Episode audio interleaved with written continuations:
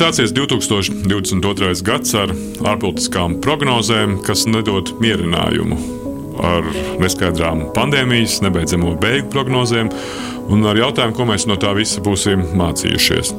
Ar saimnes vēlēšanām gada nogalē, ar izteiktu sabiedrības polarizāciju, politisku augstprātību un uh, demokrātisku strīdu piepildītu ikdienu. Kas notiks, tas laikam ir jautājums, uz kuru tikpat kā nav iespējams atbildēt. Vismaz to notikumu līmenī, kurus mēs katrs spējam ietekmēt. Skaidrs, ka pat pie vislabākā scenārija mēs neatgriezīsimies pirms pandēmijas situācijā, jo tāda vienkārši ir pasaules kārtība. Bet uz ko mēs varam cerēt? Tas ir raidījums Brīvības Bulvārs, un mans sarunbiedrs ir sabiedriskās domas pētnieks Arnis Kaktiņš, kurš jau daudzus gadus pēta sabiedrības noskaņojumu. Mūsu saruna par uzticību, kam mēs uzticamies, kam neusticamies un kāpēc. Sveiki, Arni! Sveicināti! 21. gada sākumā Latvija pasaules laimes indeksā atradās 51. vietā. Mēs pakāpāmies no 57. vietas. Toreiz, kad dati tika publicēti pagājušā gada sākumā, rakstīja, ka ka mūsu laimes izjūta mazliet varbūt ir samaitājusies, bet kopumā tā atrodas turpat, kur vienmēr. Un dati liecina, ka mēs eh, kolektīvi jutāmies tikpat laimīgi 21. gada sākumā, kā tāpat kā 12. un 13. gadā vai pirms tam treknējos gados. Nu, bet mazliet viņi bija nokritusi. Nebija tā, ka pagājušais gads neko nebija ietekmējis. Jā, jā, bet tā, tā, Vienīgi tas, ka varēja gaidīt, ka tur ir kaut kāds ļoti būtiskāks kritums, jā, bet bija kritums, un tas bija varbūt man mazliet tāds, tāds negaidīts, kāpēc tā bija uzrakstīts, ops, tik maz esam nokrituši. Jā. Bet jautājums tomēr ir par to, vai šī varētu būt tā, kā mēs dzīvojam tādā līkņu laikmetā augšā lejā, vai šie rādītāji varētu liecināt, ka mēs pat četrām vietām gada laikā pavirzamies laimīgākas nācijas virzienā, varētu domāt, un mēs varētu sākt aprēķināt, pēc cik gadiem mēs būsim nu, Somi, trešā laimīgākā nācija pasaulē. Ko tavuprāt rādīs 2022. gadā? Nu, šaubos, vai manā mūža laikā mēs sasniegsim Somiju. Nu, ja nu vienīgi varbūt eh, legalizēs to sēņu, ēšanu un marihuānu un kaut kādiem tādiem ķīmiskiem līdzekļiem, mēs varētu to Somiju sasniegt. Ja? Bet eh, savādāk eh, šaubos, šaubos, šaubos. Šīs vienkārši nav lietas, kuras ir iespējams kaut kā tur strauji ar kaut kādiem saimnes vai valdības lēmumiem ņemt un mainīt. Šīm lietām tiešām ir ļoti stipra inerce. Ja? Kas ir svarīgi, tas punkts, vai ne? Tas, par ko tu runāji, ka kā, svarīgi ir tā vieta, vai ne?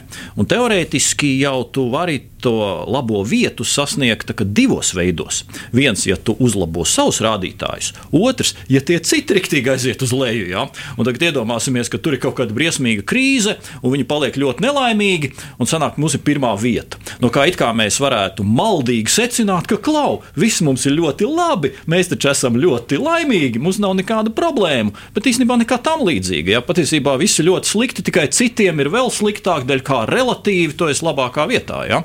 Šai manai varbūt dīvainai atbildēji ir mazliet plašāks konteksts, ja? jo te, ja mēs skatāmies Latvijas iedzīvotāju noskaņojumu rādītājus dažādus Eiropas Savienības kontekstā, ko regulāri mēra Eirobarometrs, tad ļoti bieži jau no, nu, arī publiskajā telpā tur politiķi tur tā saka un ziņās iet, redziet, tur Latvija tur ir uz augšu kāpus un redz, redz, tur galīgi neesam pēdējie zem mums ir tas un tas un tas. Ja?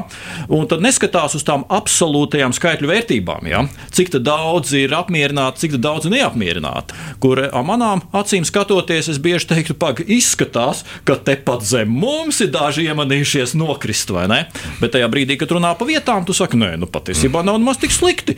Mēs jā, esam zem vidējā, bet nu nepavisam neesam pēdējie. Tu pats, ja tu atbildētu, būtu respondents savā aptaujā un jautājums, vai tu esi laimīgs jā, gan drīz laimīgs, vairāk laimīgs. Es teiktu, drīzāk nē. Domājot par nākamo 2022. gadu, iedzīvotāji ir mazliet noskaņoti optimistiskāk nekā pagājušā gada nogalē. 24% paredz, ka Latvijai nākamais 22. gads būs labāks par šo. 20% domā, ka sliktāks, bet apmēram 40% prognozē, ka tas būs tāds pats kā iepriekšējais gads. Pēc sabiedriskās domas pētījuma centra SKDS aptaujas dzīvosim, redzēsim. Studijā Gins Grūbe sarunājas ar sabiedriskās domas pētnieku Arni Kaktiņu. Vai tavuprāt, Covid krīze parādīja vai identificēja kaut ko par Latvijas sabiedrību? Jo it kā tajos mērījumos tas vismaz pagaidām nebija īpaši uzrādījies, ka nu, iedzīvotāju apmierinātība ar dzīvi tā pirmā gada laikā bija nu, samērā nemainīga. Jautājums, kā būs uh, veidojusies šī dzīve otrā pandēmijas gada laikā? Mm. Klau, šis ir labs jautājums, un šī ir laba tēma. Jo tas, kas man šķiet ļoti būtiski, to teiks tā Covid krīze. Tas pirmais vārds bija Covid, otrais vārds bija krīze. Ja? Un, ja mēs vairāk skatāmies uz to otro vārdu, tad tai krīzei ir šādi aspekti. Citiem vārdiem ir epidemioloģiskais aspekts. Un, ja mēs atceramies to sākumu, kad tas viss sākās, kad sāka krist ciet valstu robežas, lockdowni, tur cilvēkiem aizliedz strādāt, tad parādījās bažas par otru aspektu, un atļaušos apgalvot, ka no tādas sabiedriskās domas viedokļa un, un cilvēku labsajūtas viedokļa tas otrs aspekts ir svarīgāks, un tas ir ekonomiskais aspekts, ekonomiskā krīze. Citiem vārdiem parādījās reāli riski, ka tūlītās mēs te riktīgi finansiāli, materiāli atrausimies. Atcerēsimies 2009. un 10. gadu un visus tos taupības pasākumus, visas budžetu griešanas un cilvēku atlaišanas un algu samazināšanas un tā tālāk. Tie tikai desmit gadi mēs teorētiski varējām būt gatavi Jā, jā un, un aptaujas arī rādīja, tur cilvēki bija ļoti nobažījušies. Tā, jo viens ir epidemioloģiskais, protams, kas mm. satrauc tevi, jo tu nezini. Tur, nu, tagad mēs vairāk zinām par to sērgu un redzam, ka viņi ir briesmīgi, jā, bet viņi tomēr nav ne viduslaiku mēris, ne spāņu gripa, jā, jo īsti jau masu kapus neviens nerok, jā, pat ja mm. kaut kādā brīdī slimnīcas ir pārpildīts. Bet tajā brīdī jau to neviens tā īsti skaidri nevarēja zināt. Jā. Līdz to skaidrs, tev ir liels tās epidemioloģiskās bažas, un vienlaicīgi tu saproti, ka te tūlīt tās būs slikti ekonomiski būtiski. Taču tās otrās bažas, ekonomiskās bažas, līdz šim brīdim īsti neapstiprinājās. Ja? Un kāpēc mēs zinām? Tāpēc, ka nu, tur pasaules valdības, tie, kas lemj par mūsu likteņiem, tie nolēma, ka viņi šo krīzi kaut kā rulēs ārā fundamentāli atšķirīgi, ja tā teikt, bērs iekšā naudu, ja? kur tur kaisīja helikopteru naudu, arī Latvijā tur atbalsts un tā tālāk. Ja, ja es pareizi saprotu, līdz šim brīdim, cik Latvijas ir aizņēmusies pie valsts parāda pielikusi, man šķiet, jau būs kaut kādi 4-5 miljardi kaut kas tāds. Ja? Tas ļoti svarīgi saprast to masu, cik daudz mēs kolektīvi aizņēmāmies, lai vienkārši iebērtu sistēmā un lai plus mīnus noturētu cilvēku to finansiālo labklājību. Nu, lūk, tas lielā mērā elitē ir izdevies. Tā cena, protams, ir ļoti augsta. Tie miljardi, kas pie valsts parāda, un tas jau no tā nekaitīgi. Tur būs procenti jāmaksā, un tas tev atņem nākotnes iespējas. Ja? Bet mēs redzam, ka līdz šim tas otrais ekonomiskais aspekts ir nu, salīdzinoši teikt, ļoti labi atrisināts. Nu, līdz ar to arī cilvēki patiesībā pārāk draņķīgi nejūtās. Jā, mēs redzam, ir kaut kādi, kuriem nepatīk tie covid ierobežojumi, jā, mēs redzam, te ir šķelšanās, kaut kādi konflikti un tā tālāk, un tas viss ir saprotams. Jā. Bet mēs nevaram teikt, ka divas trešdaļas nācijas būtu dabūjušas pa seju finansiāli. Tas nav noticis līdz šim, jā. bet Pastīsimies, kas būs tālāk. Jā. Mēs redzam, ka sāk parādīties inflācija, mēs redzam kaut kādas astronomiskas cenas tiem uh, energonesējiem, elektrībai, gāzei un tā tālāk. Un mēs redzam, ka tie epidemioloģiskie nav beigušies, un iespējams, ka šitie visi ar kaut kādā veidā ir saistīti ar epidemioloģiskajiem, te tās otras lietas sākās. Un tad es domāju, ka šīs cenu, inflācijas, gāzes, elektrības cenu lietas viņas tūlītās sāks ļoti būtiski ietekmēt cilvēku omu un daudz būtiskāk nekā epidemioloģiskie aspekti, pie kuriem lielā mērā mēs jau esam pieraduši. Ja, ja no sākuma varbūt tur nepatika maskas, tur stāvēt rindā pie veikala, tur rādīt tur kaut kādu QR kodu vai tā tālāk, bet cilvēks ir adaptīva būtne, vai ne? Un paiet gads, un te jau mums liekas, ka tas jau ir tā kā, tā kā norma, nu, normāli, ja, kur problēma. Ja. Radījums Brīvības Bulvārs. Sarunas par to, kas notiek un ko mēs par to varam domāt. Tu esi teicis, ka pie varas esošā koalīcija dara visu, lai tādi kā Gobzems nu, būtu vēlēšana uzvarētāji vai Šlesers atgrieztos. Vai tavuprāt, Latvijas sabiedrībā nu, tā saucamais veselais saprāts neeksistē, ka viņi katru vēlēšanās ir gatavi šādiem flashmobiem uz jaunām tēmām? Atcerēsimies iepriekšējās vēlēšanas, kas bija vēlēšana uzvarētāji. Bija KPV, JKP nu, to lietu saka, veselais saprāts, veselais saprāts. Tad tas bija veselais saprāts, nebija veselais saprāts. Citiem vārdiem mums bija iepriekšējās vēlēšanas, kad īsi pirms vēlēšanām, salīdzinoši īsi, nu, vismaz jaunas partijas, jā, vienkārši ņēma un, un iegūst ļoti labus rezultātus. Nu, labi, tas, ko mēs zinām, nu, akal, ko mēs saprotam ar terminu vēlēšanu uzvarētājs, jā, tas, ko mēs zinām, ka nu, Latvijā, te, diemžēl, tā situācija tik sašķelta un sadrumstalota, nestādās jautājums, ka kāds varētu dabūt vairāk kā pusi un, un būt absolūts vēlēšanu uzvarētājs. Nu, te vairāk runiet par to, ka nu, mēs par vēlēšanu uzvarētājiem saucam to, kuri dabū nu, gana daudz balsis, ka viņi automātiski iekļūst valdošajā koalīcijā, un tad tur varbūt ar, ar tiesībām spēlēt pirmo violi. Ja? Un iepriekšējā vēlēšana ciklā nu, tas taču notikās. Ja? Tas notika iepriekš, līdz ar to tagad mēģināt kaut kā teikt, ka tas vairs nekad nevar atkārtoties, un tas ir kaut kas neiespējams. Nē, nē, nē, es nevienā brīdī neņemos, jo, ja mēs skatāmies sabiedrības noskaņojumu rādītājus, es redzu potenciālitāti lielām, straujām, revolucionārajām pārmaiņām ļoti, ļoti lielu. Jo tas izriet no tā, ka lielākā daļa, un tas ir tā jau vēsturiski jau no, no pagājušās uh, desmitgades un vēl senāk, ja, kad lielākā daļa ir konsekventi neapmierināta ar varas performanci, un viņi grib kaut kādas pārmaiņas. Un tad, ja mēs runājam par vēlēšanām, tas lielais jautājums ir, vai tie jaunās partijas vai opozīcija, tā teikt, alternatīvie piedāvājumi šiem neapmierinātiem varu izskatās labāk alternatīva. Vai kā Latvijas gadījumā ir, tad bieži viņi izskatās vēl nepārliecinošāk. Ja? Tu saproti, ka tev īsti līdz galam nepatīk tie, kas ir šobrīd, ja? bet tu paskaties uz tiem citiem, tu opozīcija, tiem jaunajiem, un tu redzi, ka izskatās, ka tas ir vēl bezcerīgāks variants. Ja? Nu, tad tu izvēlies tā teikt mazāko ļaunumu, ja? un tas mazākais ļaunums bieži ir nu, tie, kas šobrīd ir pie varas. Ko Vien... sauc par nu, revolucionārām pārmaiņām? Tu saki, ka tā, tā situācija var veidoties tāda, ka mēs esam gatavi revolucionārām pārmaiņām. Nu, to, kad teiksim, kaut kāds absolūts vairākums var nobalsot par kaut kādām jaunām partijām un opozīciju, un, bet tas ir tāds teorētiski, tā potenciālitāte ir. Ja? Kad vēlēšana rezultātā mums pēkšņi var būt tā, ka wow, mēs tā teikt pamostamies bišķiņi citā Latvijā. Ja? Nu, tas elements tie, kas atcerās, tas bija 90. gados, respektīvi Zīgeris fenomens. Tas ir ļoti labi šo paturēt prātā. Vēsturē visu laiku patīk uh, atkārtoties, vai ne? Kad bija tāds Johims Zigrists, jā, kurš bija tāds mazliet tāds, nu, mēs laikam tagad teikt, populists, jā, briesmīgs populists. Lūk, tāds saudabīgs kungs tur ar, ar saudabīgu brigādi, un tur aiz aptaujas vēl īpaši pat nerādīja viņam nekādu popularitāti, un tad pēkšņi bija vēlēšanas, un kas tad tas izrādās vesels lērums viņam mandātu ir, vai ne? Nebija tik daudz, lai viņš te kaut ko sagāstu, jā, bet tāda ļoti interesanta epizode mums izsaka izspēlējās. Kas abi saistīta ar to, ka sabiedrība neapmierināta, viņa neapmierināta elitē. Tur vēl spēlēja savu lomu tie, kas saucās tie klusējošās spirāles elementi. Jā, tas ir, kad mainstream mīdija kādu ļoti apspļaudu un noliek, jā, tad tāpēc cilvēki nemaina savas domas. Viņi pārstāja tās domas skaļi izpaust, ieskaitot arī aptauju situācijās. Jo, ja es pateikšu, ka man patīk tas kungs, tad skaidrs, ka visdrīzāk tas cits padomās, ka man viss nav kārtībā. Jā. Bet es tāpēc nemainu savas simpātijas. Es pārstāju skaļi runāt, ko es īstenībā domāju, un tad, kad ir vēlēšanas, es tik un tā tiešām nobalsoja atbilstoši savam simpātijam. Un tas bija zīgarista fenomens, tā kā to mācību grāmatas aprakstīja, kā tas viss strādā. Ja?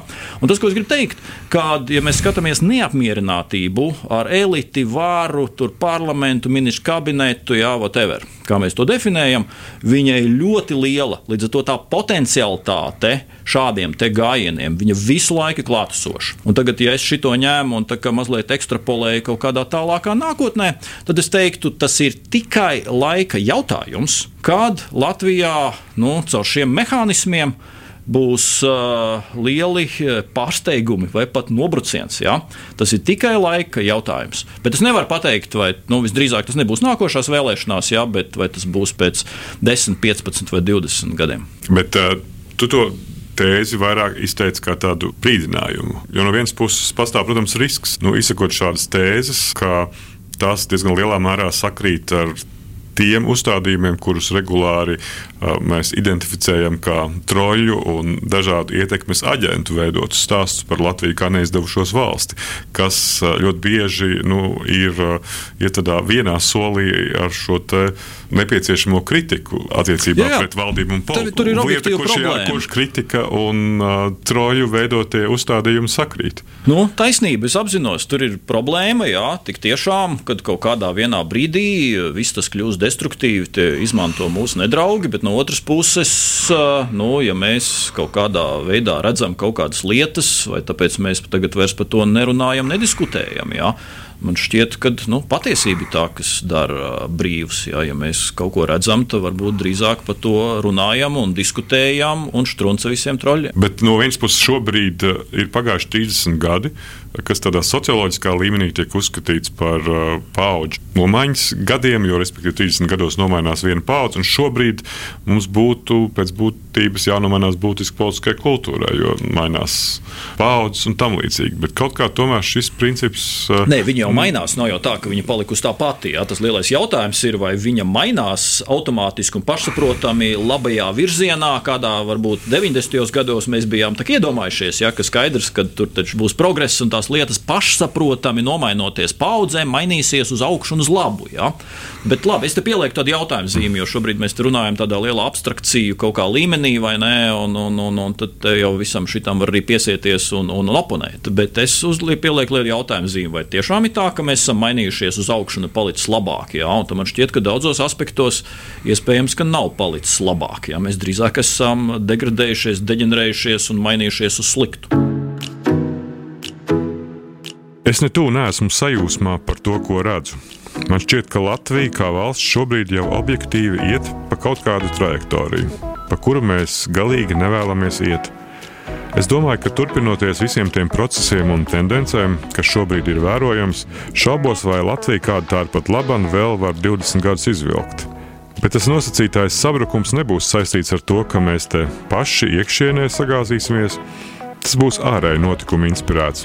Tā intervijā žurnālam Rīgas laiks 2020. gadā stāstīja Arnēs Kaktiņš, kurš arī mūsu sarunbiedrs. Diezgan drūma prognoze. Jā, neteiktu vairāk. Jā, tas ir tāds drūms skats, kas man bija pārsteigums. Nu, pēc tam, kad es biju publiski padalījies ar saviem drūmajiem, nepārāk tālās nākotnes redzējumiem, cik daudzi cilvēki, kurus es uzskatu un vērtēju par tādiem nu, gudriem, domājušiem cilvēkiem, kas to bija lasījuši, īstenībā teica, klau, es jūtos līdzīgi, es to redzu līdzīgi. Viņi varbūt nebija to tā vokalizējuši, nebija par to iedomājušies, jā, bet es nesaņēmu daudz, kas teikt, nu, klau, nu, kaktiņš, ko tu te vispār te kad jumts aizbraucis. Ja?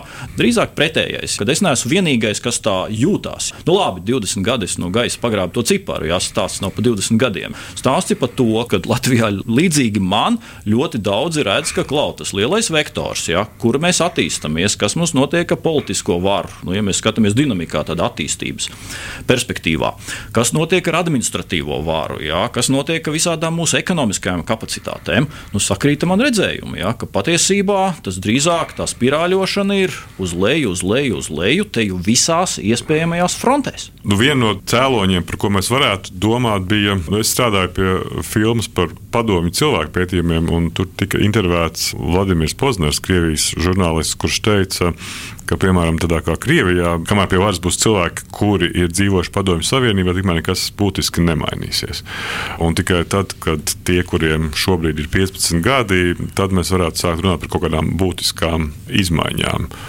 Vai tavuprāt, mēs vēl aizvien notiekošo šeit, nu, tādā vērtību orientācijas ziņā, politiskās līdzdalības ziņā, nu, varam vērtēt ar šiem postpadomju cilvēka mentalitātes argumentiem? Tas ir lielā mērā vēl aizvien tas, kas nu, formē mūsu domāšanu, attieksmes Nē, nu, neapš... veidošanas stilu. Ne, nu, neapšaubāmi. Nu, tu jau nevari aizbēgt no savas pagātnes, no savām saknēm, jā, no visa tā, kas tevi ir formējis kā cilvēku. Jā. Bet eh, man īsti mazliet nepatīk nu, šāds skats un šāda retorika. Es to negribu teikt, ka tā nevajag skatīties. Tā var skatīties, jā, jo man šķiet, bet tā varbūt mana interpretācija, jā, ka tas it kā sevi ietver, ka tur ir tas sliktais, tas padomju, un tas ir tas sliktais. Un tagad nomainīsies tā paudze, un tas sliktais sliktais pazudīs, un tad būs, būs labāk, es domāju, ka tā tas nav un tā nav pareizi skatīties. Jā. Bija kā bija, protams, tā visai mūsu bagāža, tā bagāža aiziet, bet tas nav tā, ka viņa aiziet. Jā. Nu, ja mēs zinām, nu, karma un tur ir teicieni, tur tēva grēki, līdz kurai tur paudzē valkās līdzi. Jā. Un te stāsti par to, ka kopumā tur šis viss izvējos ārā. Tur pēc entajām paudzēm vienkārši tā ir uzbūvēta pasaule. Lūk, un, un, un no tā neizriet, ka automātiski, ja šis tagad aizvējos eh, projām, viņš, protams, lēnām vējo projām, ka tas, kas nāk vietā, tas automātiski un pašsaprotami ir kaut kas labāks un pārāks un progresīvāks, lai ko arī šis vārds nenozīmētu. Jā, viņš ir atšķirīgs, bet no tā neizriet, ka tas ir kaut kas labāks. Jautājums, kas tad ir tā paudze, kur izvēlās iet politikā, jo tas jautājums jau ir par to nu, kopīgo arī prestižas situāciju. Jo tajā ziņā man liekas, es, tas, ko diezgan uzskatāmi var redzēt, par ko savulaik jau runāja Pjaķigorskas filozofs, par to, ka politikā ir cilvēki, kuri nu, nevar realizēt sevi pamatprofesijā. Un Latvijas politikas pazīme bija diezgan izteikta tajā, ka mēs redzējām neizdevušos aktierus, neizdevušos žurnālistus vai viduvējus vai, vai uzņēmējus vai arī nu, neizdevušos advokātus mēs esam redzējuši un redzam vēl aizvien. Un, šī tendence pēc būtības nemainās, ka tā ir tāda, nu, es nezinu, varbūt politikas daba. Nu, es piekrītu. Nu, izskatās, ka ir tāda iezīme. Es negribētu to uz visiem attiecināt, jo ļoti bieži mēdz būt vienkārši kaut kāda sagadīšanās, jā, un kaut kāda situatīva momenti, jā, kad tur vienkārši tā sagadīšanās te vienas iekšā. Tur tu tā varbūt nebija plānojis, un pēkšņi kaut kā tā sanāca. Jā. Tagad tas nav jau tā, ka tur tikai un vienīgi ir pilnīgi nespējnieki. Jā.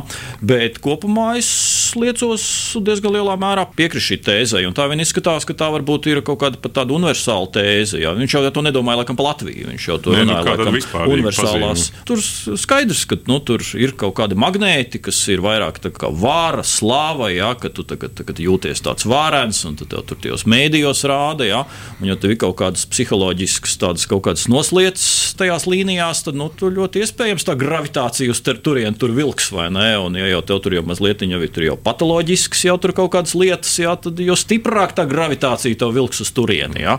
Un tad, nu, finālā tur tas kontingents sanāk tāds, kāds sanāk. Bet vēlreiz, tad nebūtu pareizi visus mest pār vienu kārti, jā, un kaut kādā visiem dot kaut kādu vienu diagnozi. Nē, nē, nē.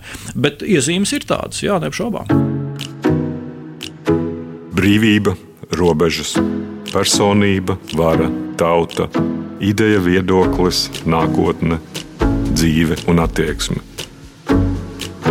Radījums Brīvības Bulvārs. Tas, ko vācu sociologs Helmuts Klāga pēta partiju politiku un arī pārvaldes politiku Eiropā, tā viņu secinājums ir, ka pēdējo piecu gadu laikā partiju politika kopumā piedzīvo Eiropā nu, krīzi eh, visās valstīs. Un kā alternatīva šim partiju pieaugšanās spēkam ļoti skaidri izvirzās atsevišķu personību pieaugšanās spēks. Un es domāju, tas saistībā ar to, ko tu teici, jā, ka ot, Eiropā tur mazliet pavainās tas partijiskais moments, jā, bet palielinās eh, personālī moments. Neapšaubām mēs to redzam. Tas izstāsta tur šobrīd vismaz ir Ungārijas gadījums un Polijas gadījums, kas ļoti zīmīgi. Tas nu, ir arī valstis. Krievijas, jā, tur ir. Turcija, Krievija arī valstis no tās pašas jau te zonas, jā, arī geogrāfiskās, vēsturiskās, kur atrodas Latvija. Bet Latvijā šobrīd mums nav šādu iezīmju galīgi pilnīgi, jo laiku pa laikam mēs mēram arī garos politiķu, amatpersonu, vēl kaut kādu cilvēku saraksts, pa kuriem kādreiz ir interese, cik liela vienam vai otram individam varētu būt kaut kāda kāda potencialitāte saistībā ar politiku.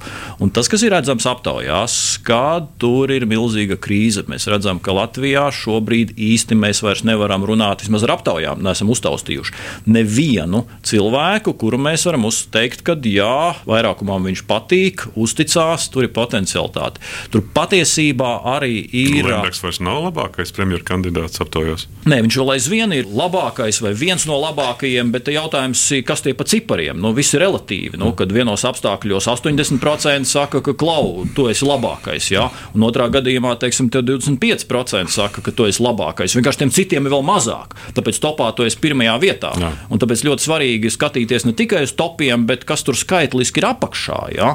Un taisnība, tie topi ir un viņi būs. Bet, ja mēs salīdzinām, kādi bija augstākie šie reitingu uzticēšanās vērtējumu līmeņi, teiksim, pirms 15 gadiem un šobrīd, tad tur ir ļoti liels regress bijis un tie rādītāji ir gājuši uz leju. Šobrīd vismaz aptaujas nerāda, ka Latvijā šeit mums veidotos kaut kādi līderi, kaut kādas personības, kuras tagad varētu pretendēt uz kaut kādu autoritāru līderu vai diktatora lomu. Bet Atkal mēs redzam lielo, eh, nu, ne, nezinu, vai globālo, iespējams, pat globālo, ja skatāmies ASV, bet nu, reģionālo pilnīgi drošu tendenci. Jautājums, vai mums, latviešiem, Latvijas iedzīvotājiem, kaut kāds īpašs ģenētiskais kods un tas dainu skats mums kaut kā tā ir saprogrammējis, ka mēs esam imūni pret šito visu? Es domāju, ka nē. Es domāju, ka tas ir tikai laika jautājums, kad mums kaut kas tāds arī šeit parādīsies. Protams, tur ir arī vēstures mācības. Latvijā tomēr ir 34. gads, kā arī Ulmaņa režīms un apvērsums. Un mēs varam arī nu, spekulēt ar šo jautājumu, vai tas veicināja Latvijas okupāciju vai neveicināja.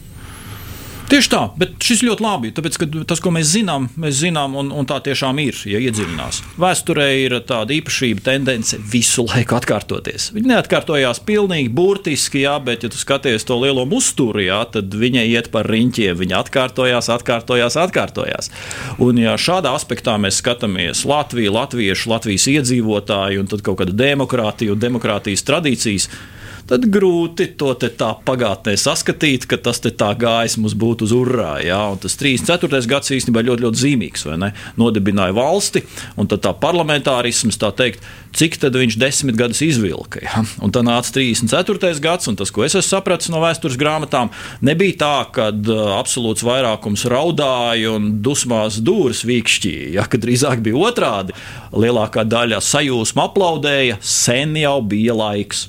Un šajos aspektos, ja es tagad skatos tas, ko mūsu aptaujas dati rāda, tad nu, izskatās, ka tā demokrātija šeit vienkārši ir aizsēdējusies. Nu, saprotams, ka pēc, ja, nu, tāpēc, ka viņi jau nevar nokrist. No ārējie apstākļi, ārējā konjunktūra ir tāda, kas kā stutes tur šo mūsu struktūru. Ja, tu domā, Eiropas Savienība, NATO? Precīzi, un... precīzi. Toreiz nebija modes uz demokrātijām, toreiz bija modes uz autoritāriem režīmiem, ja, un tāpēc Latvija sekoja modei, un vēlreiz vairākums aplaudēja. Ja. Tur bija, es saprotu, tas bija tikai partiju elites, kuras raudāja un bija, nebija īsti sajūsmā ar to, ko izdarīja Ulmanis.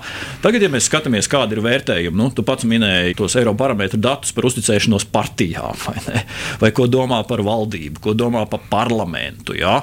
Nu, redzams, ir tas, ka tur nav īpašas mīlestības. Atliek parādīties harizmātiskam līderim un mūsu demokrātiskais valsts pārvaldes modelis var itin viegli aiziet pa pieskaru.